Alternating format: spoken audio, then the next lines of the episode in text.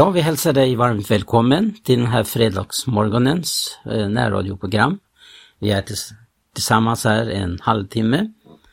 Och jag som talar den här morgonen, jag heter Tage Johansson. Men jag har även min fru Gertrud med här också. Som ska läsa ur en bok som vi läste förra fredagen ur. Och den är skriven av en som heter August E. Lernberg. Han skrev en bok som eh, handlar om de eskatologiska tingen, framförallt om Jesu tillkommelse. Och eh, rubriken på boken, boken den heter Så hördes ett anskri. Den här boken då är ju skriven på 40-talet och kanske lite ålderdomligt språk men eh, vi ska läsa, ska vi, Gertrud ska sedan läsa lite grann från den här boken. Men först vill jag påminna om vad Petrus säger, hur vi ska akta på det profetiska ordet och det är det det här programmet ska handla om. Vad Bibeln säger om eh, dels vad som händer idag och vad som kommer att hända. Det är ju klart uppenbarat i eh, vi läser Uppenbarelseboken att eh, den noggrant beskriver vad som ska ske härefter. Och det handlar ju speciellt om den sista tiden av den här tidsåldern. Men som sagt så kan vi ta emot den här uppmaningen som Petrus ser då i andra brev, Petrus andra brev, eh, första kapitel.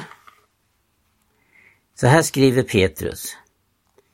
Till det var inte något slut uttänkta fabler vi följde när vi kungjorde för eder vår Herre Jesu Kristi makt och hans tillkommelse, utan vi har själva skådat hans härlighet, det han fick ifrån Gud Fadern ära och pris, när från den högstes majestät en röst kom till honom som sade, denna är min älskade son i vilken jag har funnit behag. Den rösten hörde vi själva komma från himlen när vi vore med honom på det heliga berget. Så mycket fastare står nu också för oss det profetiska ordet. Och I gör en väl om ni aktar därpå såsom på ett ljus som lyser en dyster vildmark till dess att dagen gryr och morgonstjärnan går upp i edra hjärtan. Men det må ni framförallt veta att inget profetias ord i skriften kan av någon människas egen kraft utläggas. Ty ingen profetia har någonsin framkommit av en människas vilja utan därigenom att människor drivna av den heliga Ande talade vad som gavs dem från Gud. Och det ser vi ju som en stor nåd ifrån Gud, hur han har klargjort för oss genom de heliga skrifterna i vilken tid vi lever i och vad som härefter ska ske. Ända fram till dess att eh, Gud sen skapar ny himlar och ny jord där ett färdighet ska bo. För den jord som vi nu lever på, den är sparad åt eld, säger skriften. Och allt ska brännas upp, men Gud ska skapa någonting nytt, där rättfärdighet bor och där det som har mottagit frälsning skall få leva tillsammans med Gud i evigheternas evigheter. Det profetiska ordet, ja han uppmanar Petrus att vi ska akta därpå såsom det är ett ljus som lyser i en dyster vildmark. Det får vi verkligen understryka. Vi upplever vår tid att det profetiska ordet lyser i en mörk och dyster tid. Och det mörker som kom igenom denna fallna ängel, ängel Lucifer, som blev Satan, kom med mörkret in i människors hjärtan. Men Gud har alltid gjort det tillgängligt för människan att få uppleva ljuset. och den som kommer till ljuset får uppleva Guds frälsning och upprättelse. Det finns klart och tydligt i skriften en ordning som Gud har för de olika händelserna som vi framförallt, som jag nämnde nyss, finner det i Uppenbarelseboken. Allt kommer i en ordning. Och eh, Jesus själv talar om att vi till exempel ska ge akt på tidstecknen. Och vi har ju då upplevt under en längre tid att tidstecknen bebådar hans snara återkomst. Tidstecken de talar om att hans ankomst idag står för dörren. Ja, allting fortskrider och går i sin fullbordan enligt vad Gud har kungjort för oss i de heliga skrifterna. Då finns det ju det här händelser. Eh, ja, man har ju läst mycket i, eh, det handlar om de eskatologiska tingen. Men som jag ser det så ser det mycket troligt att eh, vi får uppleva den ordning som eh, jag själv har kommit fram till och eh, många andra också. Vi vet att eh, Jesu tillkommelse, den är fastställd av Fadern när det sker. Sonen vet inte när han skall hämta sin brud. Den dagen vet ingen.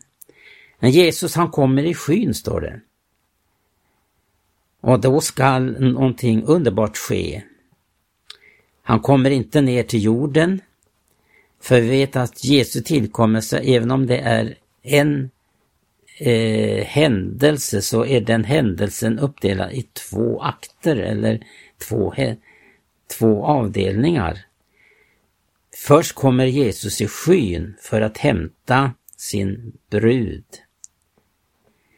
Och eh, vi ha, tänker på hans undervisning där han talar om att eh, vara redo för den dagen och den stunden. Men innan jag går vidare in på de här händelserna så ska jag be Gertrud läsa något litet från den här boken jag nyss nämnde. Och eh, det handlar om den här förberedelsen, att bereda sig för det står ju det att de som var redo fick gå in med honom i bröllopet. Det står så här. En nu hemgången Herrens tjänare skrev en gång följande som vi låter gå vidare. Den himmelske brudgummen kommer till sin sovande brud för att väcka henne och förbereda henne för det blivande bröllopet. Sömnen har varit länge och allmän, de blev alla sömniga och somnade. Redan i den apostoliska församlingen insmög sig sömnaktighetens ande. Man sa, hur går det med löftet om hans tillkommelse? Och sedan alla apostlarna gått bort var det många kristna som glömde bort själva målet för sin tro. Allt emellanåt göd visserligen röster i natten som ropade Vak upp, du som sover, och stå upp från de döda, så ska Kristus lysa över dig. Men om möjligen enstaka grupper grupper lät sig väckas och det till och med understundom kunde uppstå någon viss eskatologisk riktning i kristenheten, hela församlingen ville dock icke vakna. Det berättas om en munkorden som kallades Den vakande som bildades vid Bosporen år 430. Den hade tagit till sin uppgift att vaka och vänta brudgummen.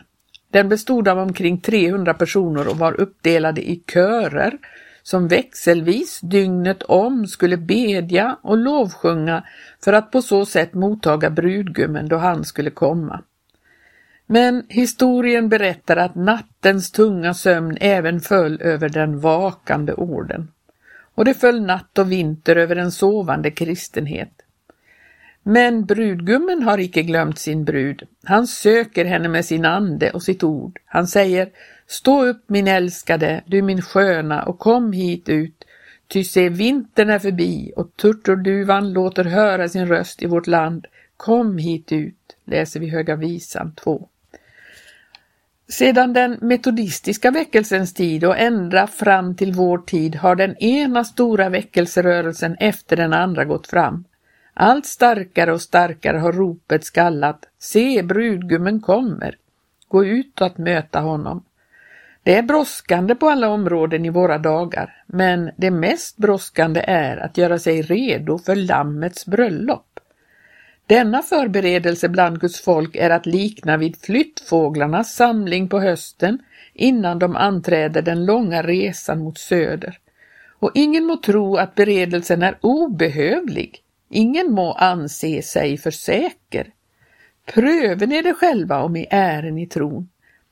Se efter om i ären klädda i den rätta dräkten, ty konungen är icke att leka med. Han fick där se en man som icke var klädd i bröllopskläder, och han sade till tjänarna, gripen honom vid händer och fötter och kasten honom i mörkret utanför. En undersökning, en inventering i tid kan rädda din själ för evigt. Att försumma dig kan betyda döden.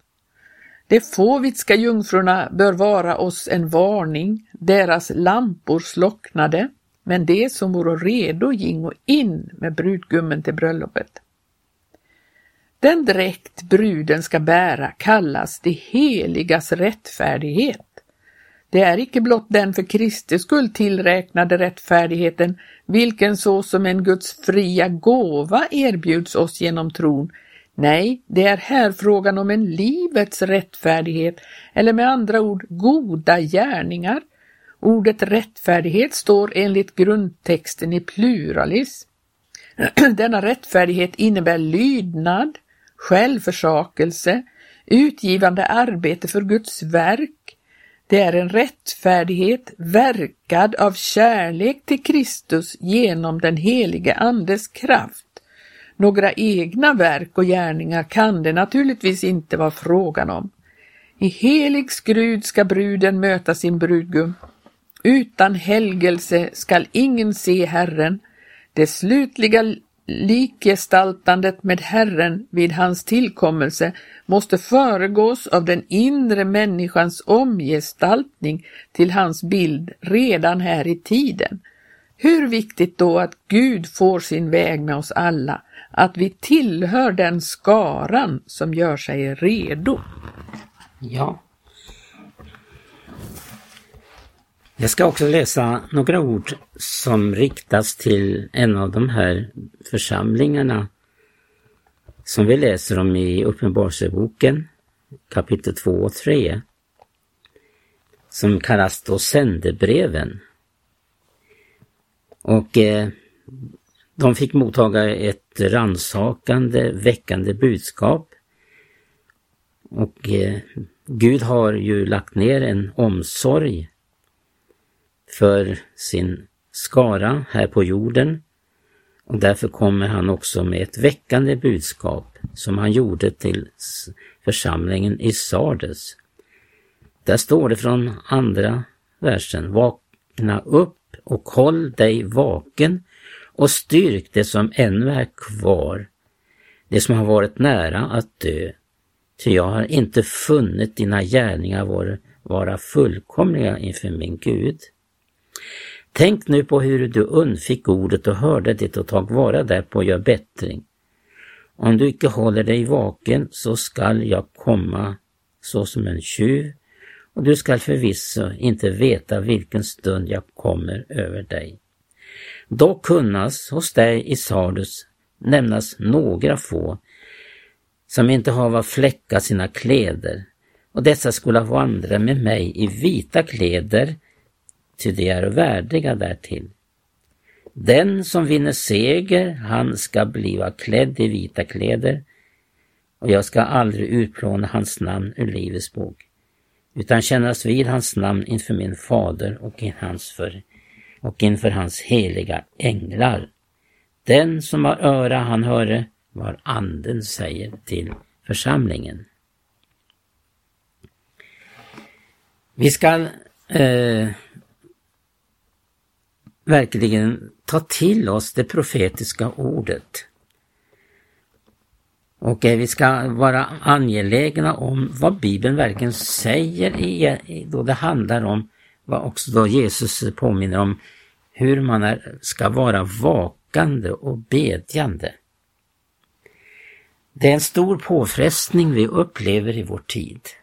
Man undrar många gånger hur detta ska sluta för en del som eh, har liksom gett upp kampen, gett upp det här med att vaka och bedja, för det är någonting som eh, kostar på. Det är någonting som eh, man måste ge sig in i som en kamp. Det är en kamp. Det står ju så här, den som vinner seger, han ska bli klädd i vita kläder.